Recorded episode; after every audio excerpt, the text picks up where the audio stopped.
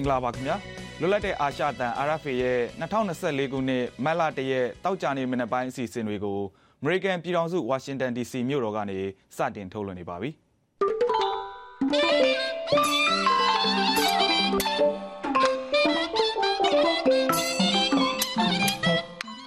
ကျွန်တော်နေမျိုးထုံးပါခင်ဗျာဒီမနေ့ခင်းအစီအစဉ်မှာနောက်ဆုံးရသတင်းတွေနဲ့အတူ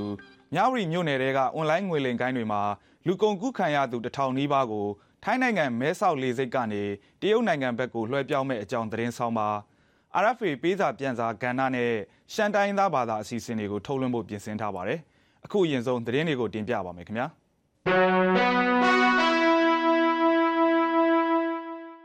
ချင်းပြည်နယ်မှာဇန်နဝါရီလ28ရက်နေ့ကနေဖေဖော်ဝါရီလ28ရက်နေ့အထိ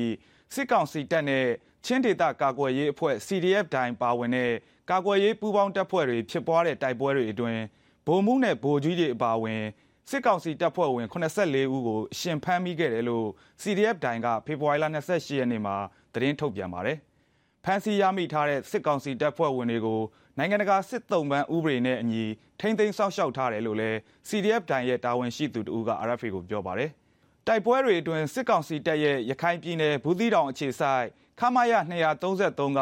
တပ်ရင်းမှုဒုတိယဗိုလ်မှူးကြီးအောင်ထွန်းအပါဝင် စစ်ကောင်စီတပ်ဖွဲ့ဝင်၈ဦးသေဆုံးခဲ့တယ်လို့ဆိုပါတယ်။ဒီကိစ္စနဲ့ပတ်သက်ပြီးချင်းပြည်နယ်စစ်ကောင်စီပြောခွင့်ရပြည်နယ်တွင်းရေးမှူးဦးအောင်ချိုကို RFA ကတယ်လီဖုန်းနဲ့ဆက်သွယ်မေးမြန်းခဲ့ပေမဲ့လက်ခံဖြေဆိုတာမရှိပါဘူးခင်ဗျာ။တနင်္သာရီတိုင်းဗိတ်အကျဉ်းထောင်ကနိုင်ငံရေးအကျဉ်းသားတွေအပါအဝင်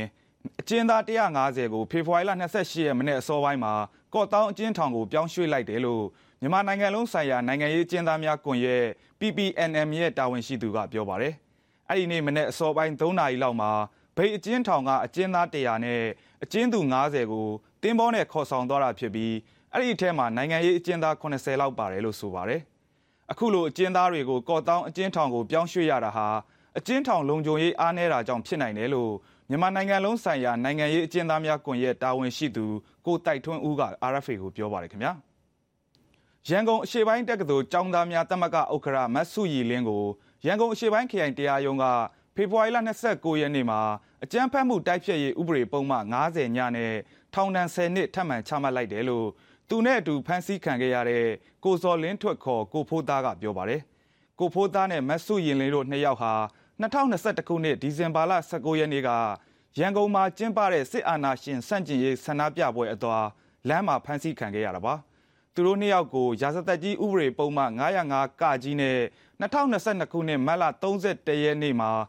ထောင်ဒဏ်3နှစ်စီချမှတ်ခဲ့ပါတယ်။ကိုဖိုးသားကတော့ပြီးခဲ့တဲ့2023ခုနှစ်ကပြန်လည်လွတ်မြောက်လာခဲ့တာဖြစ်ပါတယ်ခင်ဗျာ။ကိုကန့်ဒေတာလောက်ကင်မြို့နယ်အတွင်းဖမ်းဆီးရမိတဲ့အွန်လိုင်းငွေလိမ်လုပ်ငန်းနဲ့ဆက်ဆက်တယ်လို့တန်တရားရှိသူတရုတ်နိုင်ငံသား108ဦးကိုတရုတ်နိုင်ငံရဲတပ်ဖွဲ့လက်ထက်လွှဲပြောင်းပေးခဲ့တယ်လို့ MNDAA သတင်းမီဒီယာက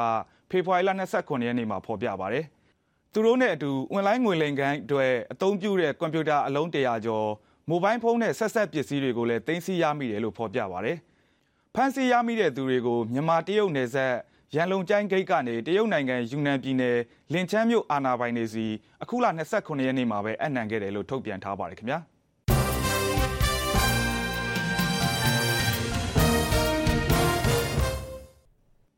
သတင်းတွေကိုတင်ပြခဲ့တာပါအခုဆက်လက်ပြီးသတင်းဆောင်ပါတွေကိုထုတ်လွှင့်ပါမယ်ထိုင်းမြန်မာနယ်စပ်မြဝတီမြို့နယ်တွေကအွန်လိုင်းငွေလိမ်ကိုင်းတွေမှာလူကုန်ကူးခံရသူတထောင်နီးပါးကို9ရက်အတွင်းထိုင်းနိုင်ငံမဲဆောက်လေဆိပ်ကနေတရုတ်နိုင်ငံဘက်ကိုလွှဲပြောင်းမယ်လို့သိရပါတယ်။ RFA သတင်းတောက်မဆန်းမော်အောင်တင်ပြပါမယ်ခင်ဗျာ။ထိုင်းမြန်မာနယ်စပ်မြဝတီမြို့နယ်တွင်းကတရုတ်အွန်လိုင်းငွေလိမ်ကိုင်းတွေမှာလူကုန်ကူးခံရသူ998ဦးကို9ရက်အတွင်း မြန်မာနိုင်ငံဘက်ကနေ ထိုင်းနိုင်ငံမဲဆောက်လေဆိပ်ကို လွှဲပြောင်းပို့ဆောင်မယ်လို့ မဲဆောက်ရဲတပ်ဖွဲ့က သတင်းထုတ်ပြန်ခဲ့ပါတယ်။ဖေဖော်ဝါရီ29ရက်မှာ149ဦးကို စတင်လွှဲပြောင်းခဲ့တယ်လို့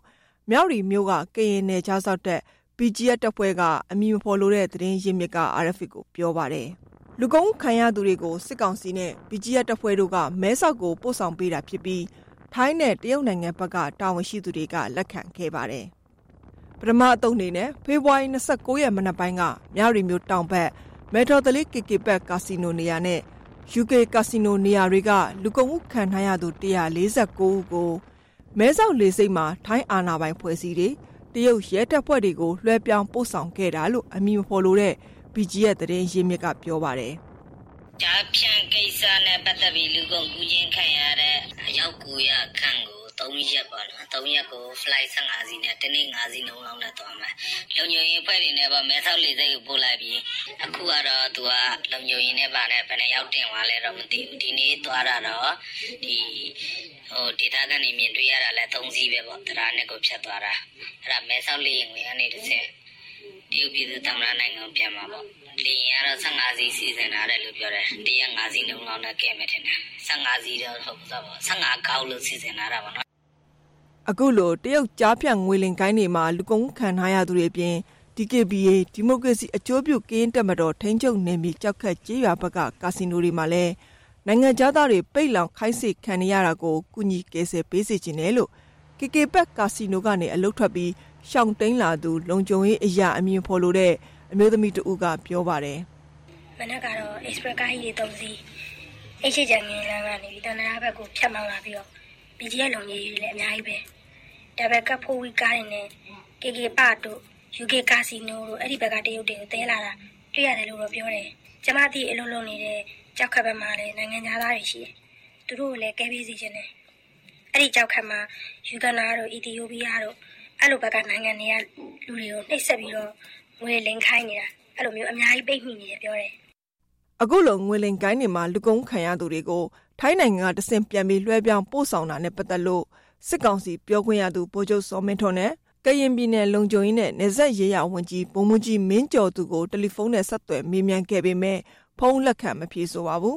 ။လက်ရှိထိုင်းမြန်မာနယ်စပ်ကမြောက်ရီရွှေကုတ်ကိုမဲထော်တလေးကေကေပတ်ကြောက်ခက်ဝေါ်လာဒေတာတွေမှာတရုတ်အွန်လိုင်းကြားပြငွေလိမ်လုပ်ငန်းတွေမှာနိုင်ငံသားတရားမဝင်နေဆက်ဖြတ်ကျော်လူကုန်ခံရပြီးအလုတ်ခိုင်းစေခံရသူအများပြားရှိနေသေးတယ်လို့ အဲ့ဒီနေရာတွေကနေလက်တလုံးမှာထွက်ပြေးလွတ်မြောက်လာသူ၃ဦးရဲ့ပြောစကားတွေအရ RFA ကသိရပါဗျ။လူကုန်မှုခံရသူတွေမဲဆောက်ဘက်လွှဲပြောင်းလာတာကိုတက်ခရိုင်ရဲတပ်ဖွဲ့မှုရဲမှုချုပ်စံရစ်အန်ကွန်နဲ့ရဲတပ်ဖွဲ့ထိုင်းတော်ဝင်စစ်တပ်နေကြားဆောက်တဲ့နဲ့မဲဆောက်မြို့ကစေနာဝန်ထမ်းတွေပါဝင်ကူညီခဲ့တယ်လို့တက်ခရိုင်မဲဆောက်ရဲတပ်ဖွဲ့သတင်းထုတ်ပြန်ချက်တွေရသိရပါတယ်ရှင်။အခုဆက်ပြီး RFA ပေးစာပြန်စာကဏ္ဍကိုထုတ်လွှင့်ပါမယ်။ဒီတစ်ပတ်အစီအစဉ်မှာ YBS ရင်မောင်းတဦးရဲ့ပေးစာ စကိုင်းတိုင်းဒဇယ်ဘက်ကပေးပို့လာတဲ့စာမလေးရောက်မြန်မာတဦးရဲ့ရင်ဖွင့်စာအပါဝင်ကရင်ပြည်နယ်ကဒေသခံတဦးရဲ့ပေးစာတွေကိုမတ်ကျူလိုက်မျိုးကောက်နှုတ်တင်ပြထားပါတယ်ခင်ဗျာ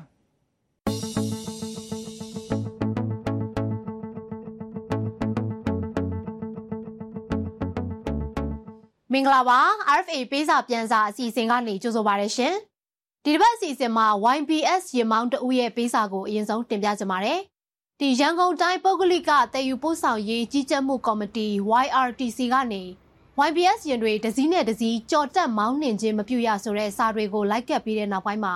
ရင်မောင်းတွေနီးမျိုးစုံနဲ့ဓာငွေရိုက်တာခံရလို့ပါတဲ့ကားမတ်တိုင်မှာရက်နေတဲ့ကားရှိလို့အဲ့ဒီကားကိုကြော်ပြီးတော့ရက်လိုက်ရင်ရှင်ပြိုင်ကြော်တက်တယ်မှတ်တိုင်မှာရက်နေတဲ့ကားနောက်ကနေရက်ရင်လဲမှတ်တိုင်မရောက်ဘူးဆိုပြီးတော့ဓာရိုက်ပါတယ်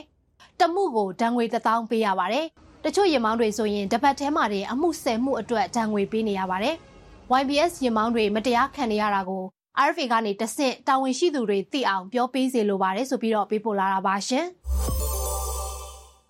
အခုဆက်ပြီးတော့ဒဇယ်ဘက်ကပေးပို့လာတဲ့စာကိုတင်ပြကြပါမယ်။စကိုင်းတိုင်းဒဇယ်ဘက်မှာကမ်ဘလူစီယာတော်ဥဝတဝတင်တန်းပေးထားတဲ့ပြည်သူစစ်လို့ခေါ်တဲ့စစ်ကြောင်းတွေကတိုင်းပြည်နယ်လူမျိုးစိတ်အေးချမ်းစွာနေနိုင်ဖို့အတွက်ဘာသာသာသနာအတွက်ဆိုပြီးတော့ဆရာတော်ကအမြဲတမ်းပြောပြောနေတာပါ။ ဒါပေမဲ့အခုဒဇယ်နယ်ထဲမှာရောက်နေတဲ့အဲ့ဒီပြည်သူစစ်တွေကတရွာဝင်တရွာထွက်ရွာတွေကိုဝင်ပြီးတော့တံပိုးကြီးပစ္စည်းတွေလိုချင်တာတွေကိုယူပြီးတော့အိမ်တွေကိုလည်းမီးရှို့ပါတယ်။အညာဘက်တွေမှာကအိမ်တလုံးဖြစ်လာဖို့ဆိုတာဆယ်စုနှစ်တစ်ခုလောက်သေချာစူးစမ်းနိုင်မှရတာပါ။ဒီလိုဆုံးရှုံးမှုတွေအတွက်ကျွန်တော်တို့ရင်ကွဲမတက်ခံစားနေရတာတွေကိုဆရာတော်ဦးဝသဝကြားသိအောင်တင်ပြပေးစီလိုပါတယ်ဆိုပြီးတော့ပြပို့လာတာပါရှင်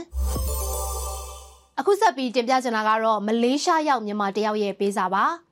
အရင်ကဆိုရင်မလေးရှားကမြန်မာတန်ယုံမှာ passport တက်တန်းတိုးရင်နေချင်းရပေမဲ့အခုဆိုရင်အရန်ကြပါတယ်။ပွဲစားကိုငွေများများပေးပြီးတော့လုပ်ခိုင်းရင်တော့နေချင်းရပါတယ်။ဒါပေမဲ့ပွဲစားနဲ့လုပ်ရင်လကတလစာလောက်အထိကုန်နေပြီးတော့အရင်ကထက်ငွေ3ဆလောက်ပိုပေးနေရတာပါ။ဒီလိုအခက်အခဲတွေကြောင့်စာအုပ်တက်တန်းကုန်ပြီးတော့တရားဝင်ကနေတရားမဝင်အလုပ်သမားတွေဖြစ်သွားလို့ပြန်သွားရသူတွေရှိနေပါတယ်။ မြန်မာတွေအနေနဲ့အလုသမားချင်းတူတာတောင်နိုင်ငံသားတွေကြားမှာအယမ်းမျက်နှာငယ်နေရပါတယ်ဆိုပြီးတော့ပေးပို့လာတာပါရှင်အခုတခါတော့ကရင်ပြည်နယ်ကပေးပို့လာတဲ့စာကိုတင်ပြပါမယ်ကရင်ပြည်နယ်လှိုင်းဘွဲမြို့နယ်ပိုင်ကြုံမြို့နယ်ခွဲအပေါင်ကျေးရွာမှာတအိမ်တယောက်စစ်မှုထမ်းရမယ်စစ်မှုမထမ်းချင်ရင်တအိမ်ကို2သိန်းပေးရမယ်ဆိုပြီးတော့ရွာအုပ်ချုပ်ရေးမှူးကကောက်ခံနေပါတယ်တဲ့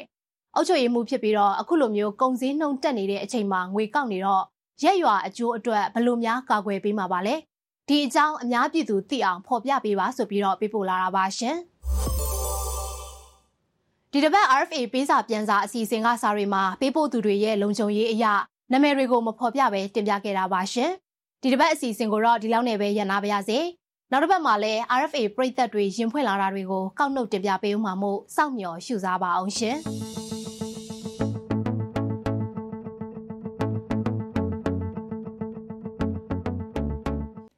RFA ရဲ့အစီအစဉ်တွေကိုကြည့်ရှုနေရတာပါ။အခုနောက်ဆုံးအနေနဲ့ရှမ်းတိုင်းရင်းသားဘာသာအစီအစဉ်ကိုမြန်မာစာတန်းတို့နဲ့ကြည့်ရှုနိုင်ပါတယ်ခင်ဗျာ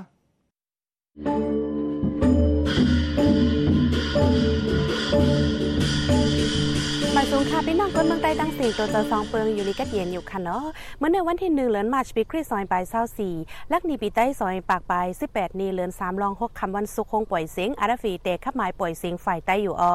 ตอนนวงในใจเมืองเป็นผู้หับปุ่นพรสีใจหยิบพงตั้งขาวนางเยหอมเดคมกันให้งานข่าวเงาในปันกว่าค่ะออ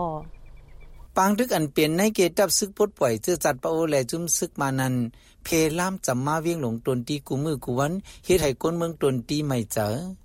ปังตึกเตมาเมื่อวันที่สาวสามเหลือนในต่อถึงย่ามเหลียวยังไปเย็นกวนเมืองลาดวานในปังตึกนั้น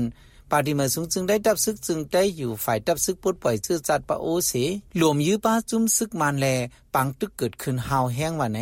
ก้อยกาเกี่ยวกับรองในฝ่ายดับซึกจึงได้ได้ว่าอำไลเข้าโฮมจอมว่าไหน ย้อนปังตึกอันเป็นอยู่ตั้งทุ่งในเส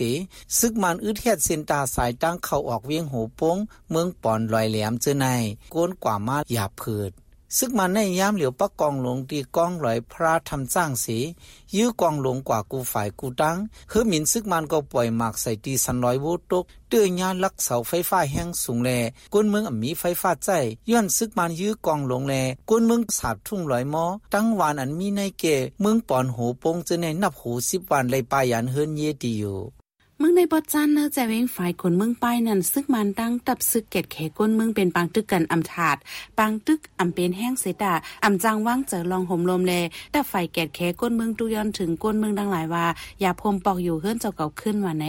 ย้อนจุ้มซึ่งมันยังตึกกว่ามาตรงหนึ่งใกล้ล่ามดิมยื้อกองหลงขาวันใกล้เอาโดรนมาปล่อยหมากใส่ตีวันแลเฮาฟังอยู่เศร้ากว่ามาวันในป้า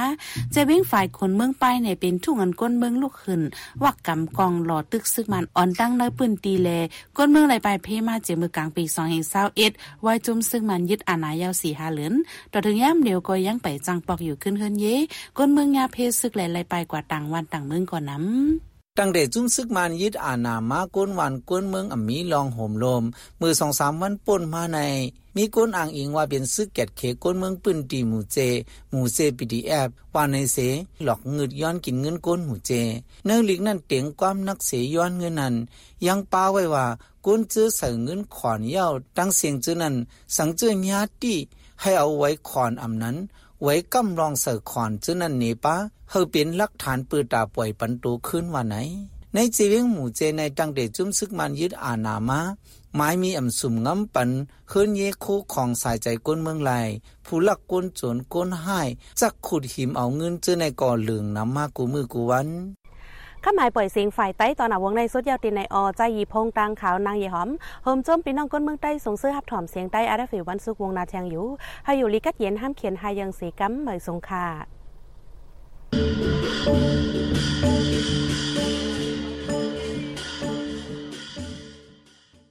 အာရဖေရဲ့ထုံးလွှင့်ချက်တွေဒီမာတွေရန်နာပါရစေမြန်မာပြည်သူပြည်သားများဘေးရန်တွေအပေါင်းကနေကင်းဝေးကြပါစေခင်ဗျာ